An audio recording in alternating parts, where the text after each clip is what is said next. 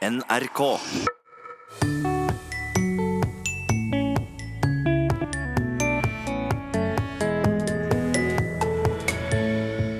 Sosiale medier hjelper familier med innvandrerbakgrunn å utvikle flerspråkligheten, viser ny forskning. Familiene som jeg jobber med nå, de kom hit for over ti år siden, så de har opplevd en enorm revolusjon fra at de har måttet gå og kjøpe seg telefonkort og hatt samtaler som har vart så lenge som telefonkortet har vart. Mens nå så kan de ha lange samtaler, og det koster nesten ingenting. Så det gir en helt annen mulighet til å opprettholde språklige praksiser, kulturelle praksiser og kontakten med familie og venner i hjemlandet. Og det er finale i dialektkonkurransen Høtt sa du i dag. Og uten å røpe for mye, kan jeg si at ett ord avgjør det hele. Og ordet er klesseboia. Vel møtt til Språkteigen.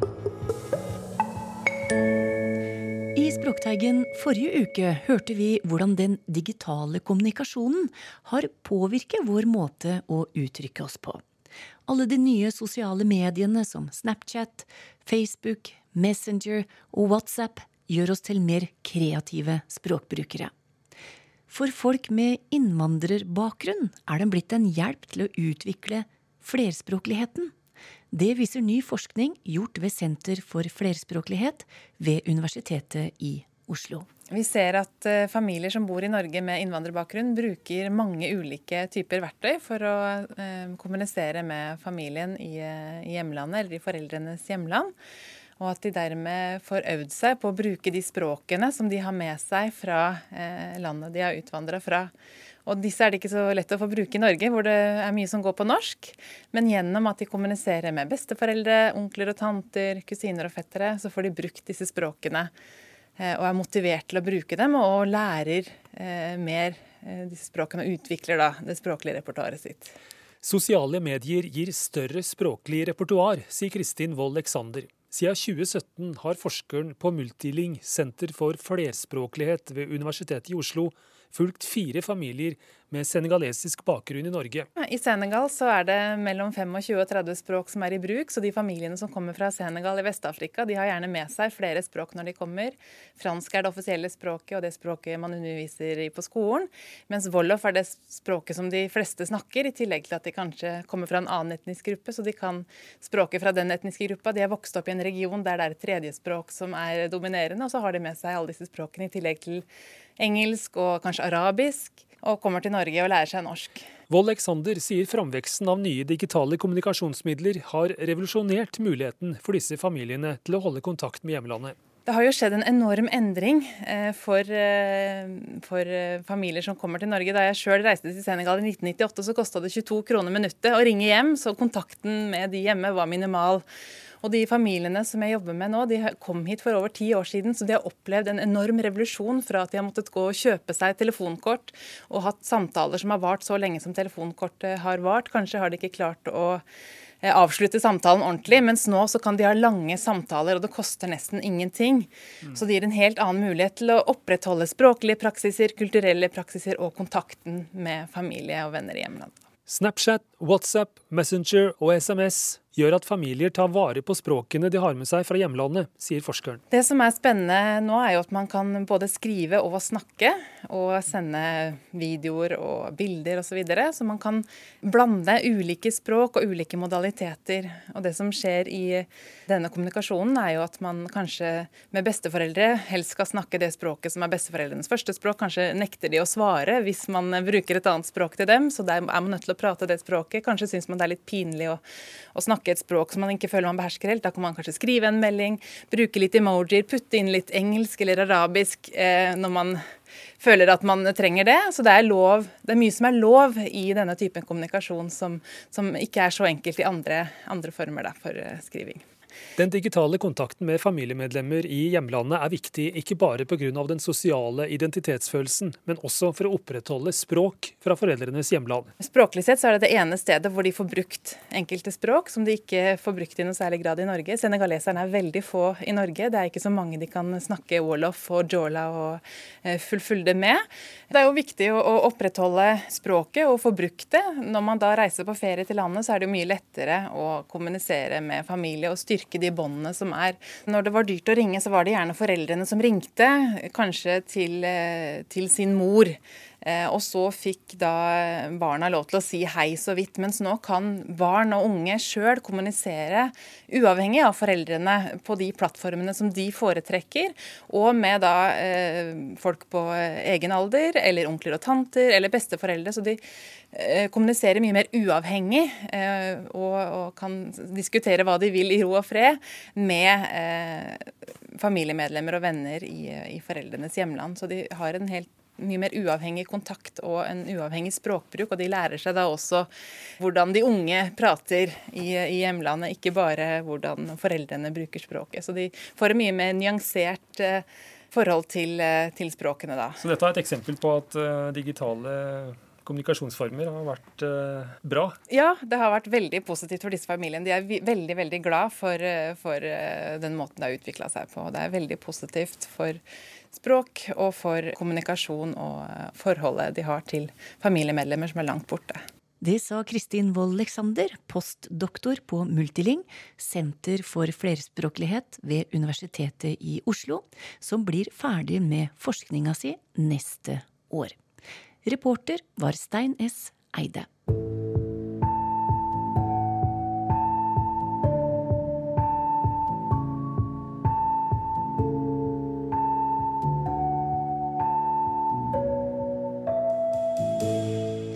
Det er spenning i dialektkonkurransen Høtt sa du.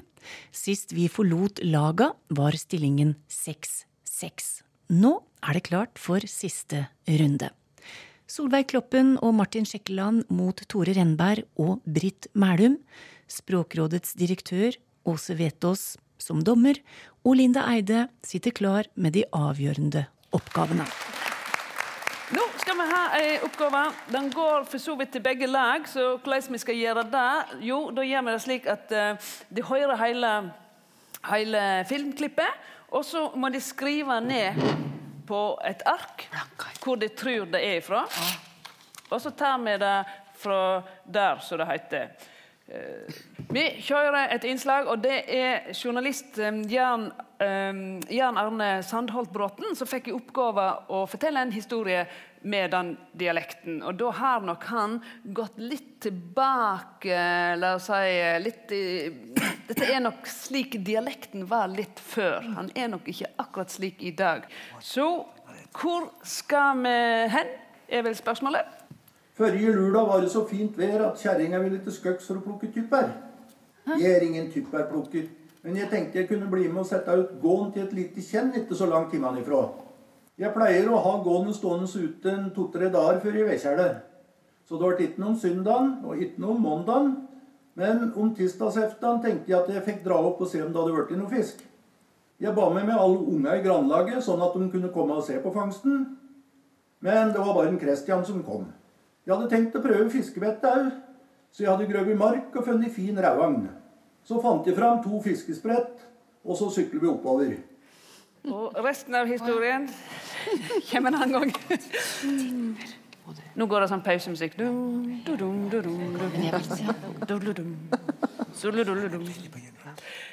Ja, da må lagene vise et uh, stedsnavn. Tør, det, det, Eller de må si det. Det blir jo så egosentrisk. Det kan ikke være Dokka, liksom. For, at det er, for at han, han, kunne godt ha vært fra like rundt der jeg er fra, men det var alt liksom stemte. Faktisk. Tistan, Kristian. Han sa 'se' og ikke se. Mm. Men nei, altså, veldig mye. Det kunne godt ha vært Nordre Land. Hva sier det? Vi syns vi hørte at han sa 'tipper' for tyttebær. Og ja. da skal vi til Solørtraktene, tror vi, da. Nei, ja, men det var godt resonnert, var ikke det? Eller? Jo. Eh, Men det er ikke Soler, og det er ikke dere. Det er Vi får det på kartet. Ja. Hæ? det, er det er knapt noen hakk tilbake, for det er lenge siden de pratet ja. slik på Eidsvoll. Ja. Det er akkurat det. det... Jeg skulle til Skøggs, sa han. Ja, Skøggs. Men snakker de likt på dere og gamle Eidsvoll? Ja, det, er, ikke så veldig langt ifra nå. Så det er samme dialektområde. Men det er klart at, og tror hvis folk er 103 år og slik nå fortsatt på Eidsvoll, så kan de nok prate slik, altså.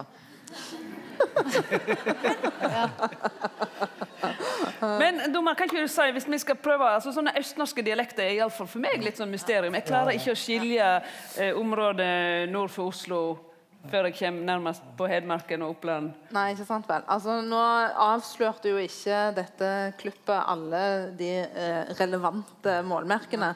Men hvis, hvis han hadde snakket om hva farge sykkelen hans var, for eksempel, sagt, så hadde han sagt at den var hvit.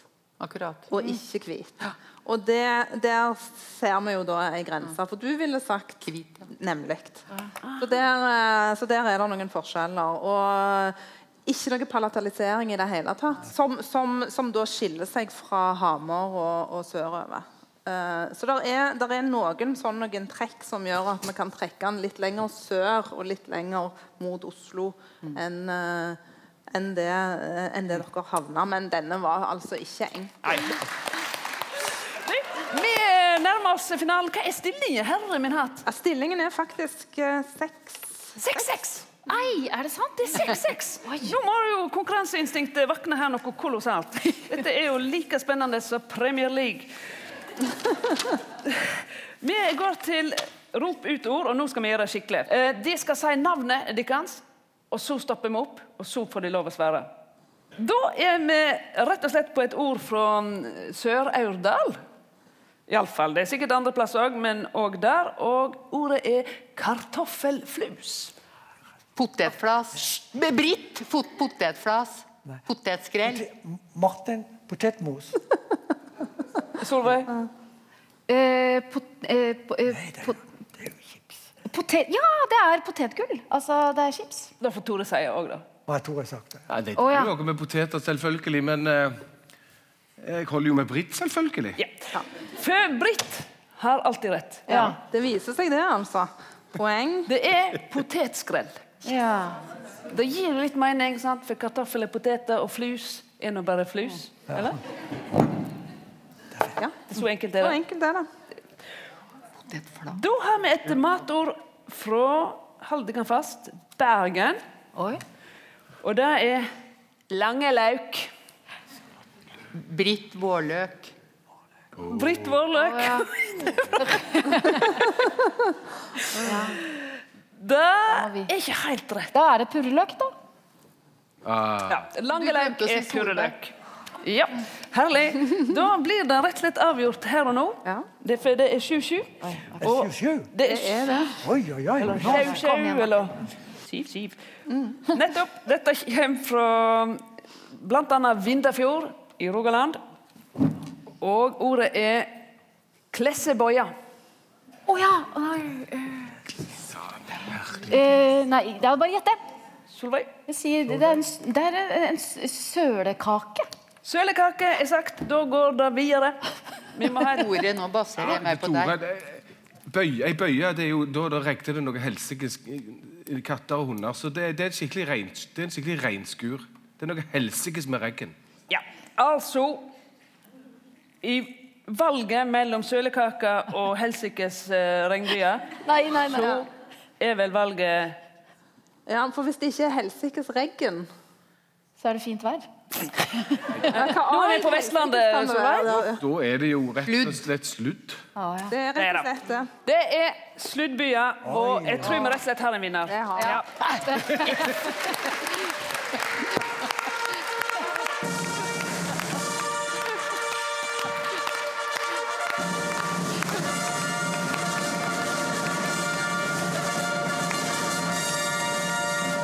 Gratulerer til Tore Remberg og Britt Mælum, som gikk seirende ut av dialektkonkurransen Høtt, sa du. Konkurransen er et samarbeid mellom Språkrådet og Nasjonalbiblioteket.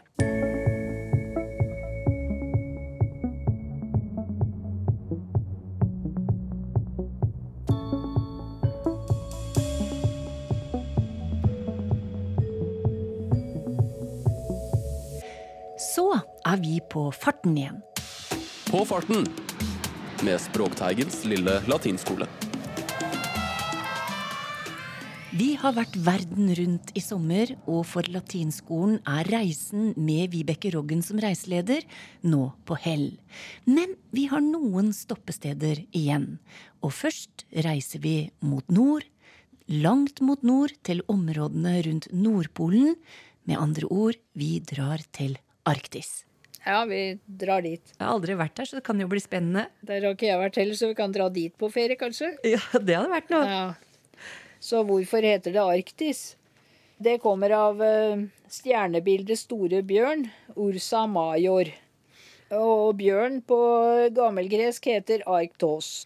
Så da har det fått uh, navn fra den, uh, fra bjørn.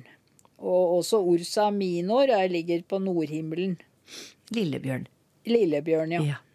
Karlsvognen inngår i et mønster i Ursa major, og den kalles også Sjustjernen.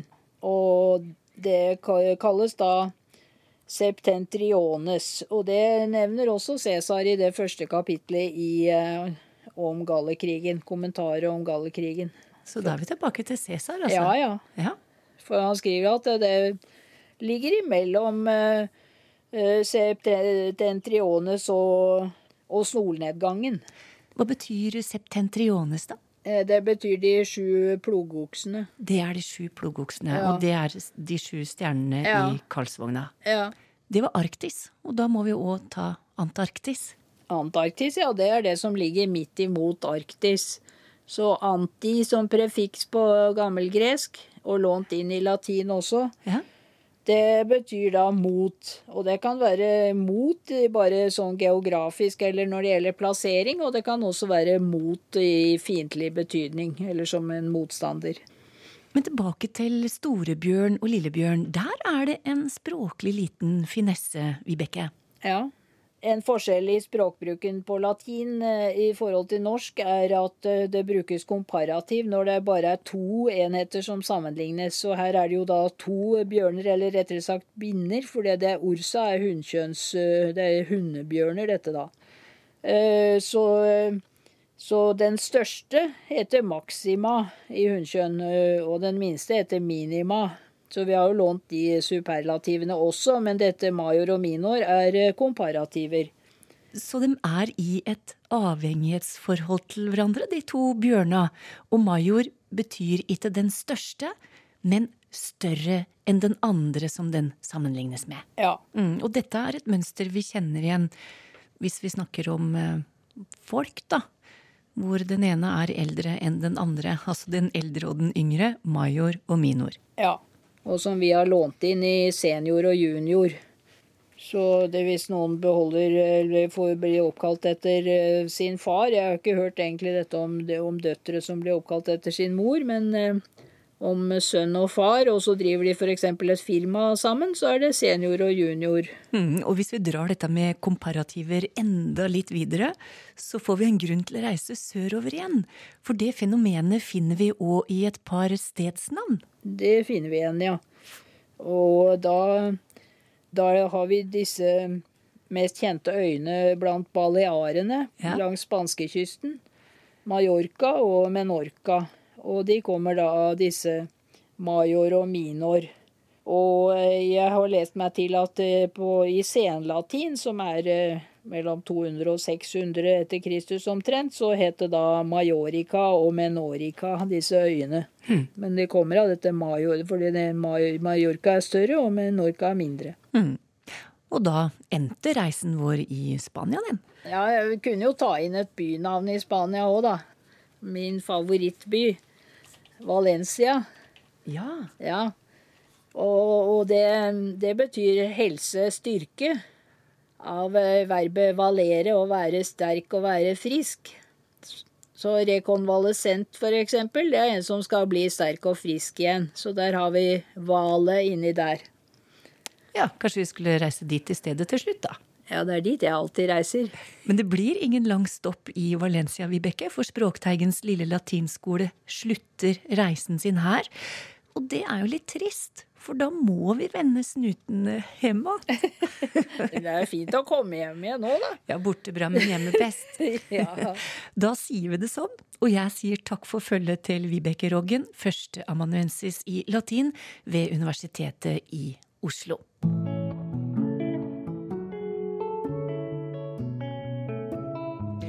Vi skal avslutte med lytterspørsmål i dag, og det er Sylfest Lomheim som gir svar. Første spørsmål kommer fra Iris Elisa. Hvor kommer uttrykket 'på sin hals' fra, og hva betyr det egentlig? Ja, halsen trenger vel ikke forklare. Den har vi heldigvis på plass, alle vi som er oppegående. Ordet hals. Men eh, det er et ord som blir brukt på mange måter. Uh, og uh, dette med han er felespiller på sin hals. Hun er nummerløl på sin hals. Ikke sant? Det betyr at det er ikke bare spøk. Altså, om noen er felespiller på sin hals, så er han så opptatt av å spille på fele at han vil spille på fele om det står om livet, omtrent. Ikke sant? ja. Og du, dette er ikke spøk, altså, fordi at det er den bruksmåten av hals som historisk sett ligger til grunn. Fordi at eh, hvis noe koster deg halsen, da dør du. Da blir du drepen. Så derfor er ikke det noe småtteri i han er dette eller hun er dette på sin hals. Det er skikkelig alvor, og nå sitter jeg her og knyter neven, veit du, Torunn. Så um, slik er det.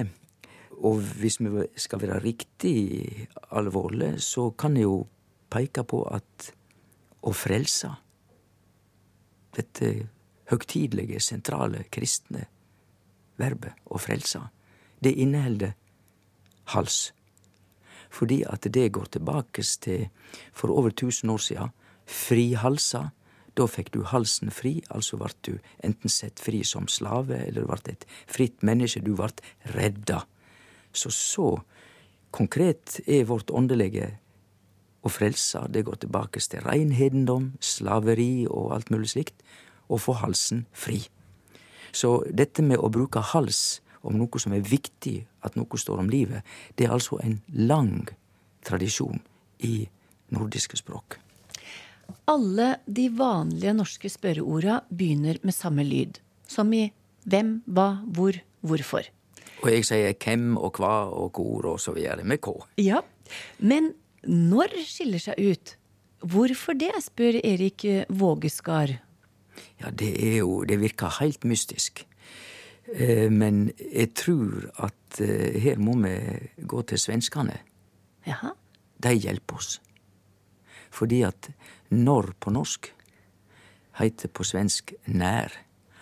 Og dette ordet er rett og slett i slekt med nær, altså ordet nær som motsetning til det som ligger lenger unna, altså fjernere. Så da har vi det på plass. Og så um, dette med, med, når, hvordan kan det bli til et spørsmål? Hm. Eller en konjunksjon. Når tida er kommet, så skjer sånn og sånn. Det er rett og slett Da må vi gå til engelsk. For på engelsk heter dette when. W-H-E-N. When. Og um, da, er vi på sporet på selve opphavet, for den siste n-en der i when, det er den som er første bokstaven i nær eller når i norsk. Så her er det et ord som har stått framfor når eller nær, som har forsvunnet. Og det ordet har begynt på K i nynorsk kvar når, kvar nær, kor nær og hvor nær. Hvor, hvor nær er dette? Mm. Når er dette? Og som konjunksjon Jeg veit når dette vil skje. Da må vi tenke oss at jeg veit hvor nær som dette skjer. Det er litt kronglete å forklare dette, men, men det er altså et ord i forkant som er i kategorien og i familien med de andre spørreorda våre, som begynner på H, V eller H, og i nynorsk K og KV. Det har stått i forkant, og så fulgt etter av nær. Når kom ordet sankt inn i norsk, spør Turi Brox Nilsen. Hun lurer på om tilnavnet Den hellige noen gang ble brukt om alle helgener, eller om det for alltid har vært et tilnavn bare for Olav Haraldsson. Sa noen f.eks. Halvard den hellige i Oslo i stedet for Sankt Halvard? Nei, ikke det jeg eh, veit. Men det er klart at også Halvard ble omtalt som en eh, heilag person. Eh, men han hadde nok aldri tittelen, det tror jeg jeg kan si ganske sikkert, tittelen Halvard den hellige, eller Den heilage. Da var det Sankt Halvard. Det er bare én som har hatt Den heilage eller Den hellige, og det er jo kongen Olav mm. den heilage. Men, og òg når det gjelder det andre spørsmålet fra deg, Turi, om når dette kom inn, sankt, så gir jo svaret seg sjøl. Det kom inn med med tusentallet, 1100-1200, altså i den tida der, der kristendommen virkelig slo rot i landet vårt, og der vi også fikk den store nasjonale eh, heilagmannen, Sankt Olav. Vi eh, moderne mennesker er ikke klar over det, men, men altså pilegrimsstaden i Trondheim, Nidaroskyrkja i eh, vår katolske mellomalder, var en av de aller mest besøkte og aller viktigste pilegrimsmåla i det katolske Europa. Nå i våre dager snakker veldig mange om å gå til Santiago, ikke sant, og den pilegrimsturen der. Ja ja, den er stor. Det var òg en av de store, men, men altså Pilegrimsruta og pilegrimsferda mot Nidaros i katolsk tid, den var ufattelig stor. Den var skikkelig internasjonal. Det er mange som ikke tenker over i, i våre dager. Så sankt kom inn med kristendommen, sjølsagt. Og våre helgener, de har, de har da tittelen sankt. Sankt Halvard, Sankt Sunniva. Og dette er jo rett og slett latin. Det er jo derfor det kom inn med kristendommen. For spiritus sanctus, det betyr Den heilage ande. Spiritus, det er jo det samme som sprit, og det betyr duft eller ånde eller ande, og sanctus heilag, så spiritus sanctus, den heilage ande. Det er òg et annet ord på latin som betyr omtrent heilag, og det er jo vi finner i eh, sakrament og sakristiet i kyrkja. Sakrament er jo heilage handlinger under gudstjenesta, og sakristiet er da bokstavelig talt et lite heilagt rom der presten sitter før han går inn i kyrkja. Og det kommer fra det latinske ordet saker, som vi også vil omsette på norsk med heilag. Men det er altså to ord på latin, sanctus og saker. Og vi vil bruke heilag om begge to, men men det latinske sanctus betyr nærmest den opphøgde, det som er så høgt at det er ukrenkelig. Da er det sanctus. Mea saker på latin, det er der er meninga at det er vigd til, altså vigd til Gud. Og det betyr at et sakrament er handlinger i kyrkja som er vigde til, til Gud. Vi ville i begge disse tilfellene bruke ordet heilag. Og forresten, ordet heilag, hva kjem det av? Kanskje jeg skulle si det, ja. Torunn? Ja. Det er rett og slett det samme ordet som heil, der det ikke er mangel. Det mangler ingenting. Det er fullt og heilt. Og derfor har det blitt opphøga etter hvert til å være heilag, altså hellig. Det sa Sylfest Lomheim, og med det er Språkteigen slutt for i dag. Jeg skal bare minne om at har du spørsmål, så skriv til oss på teigen krøllalfa nrk.no. Ha det bra!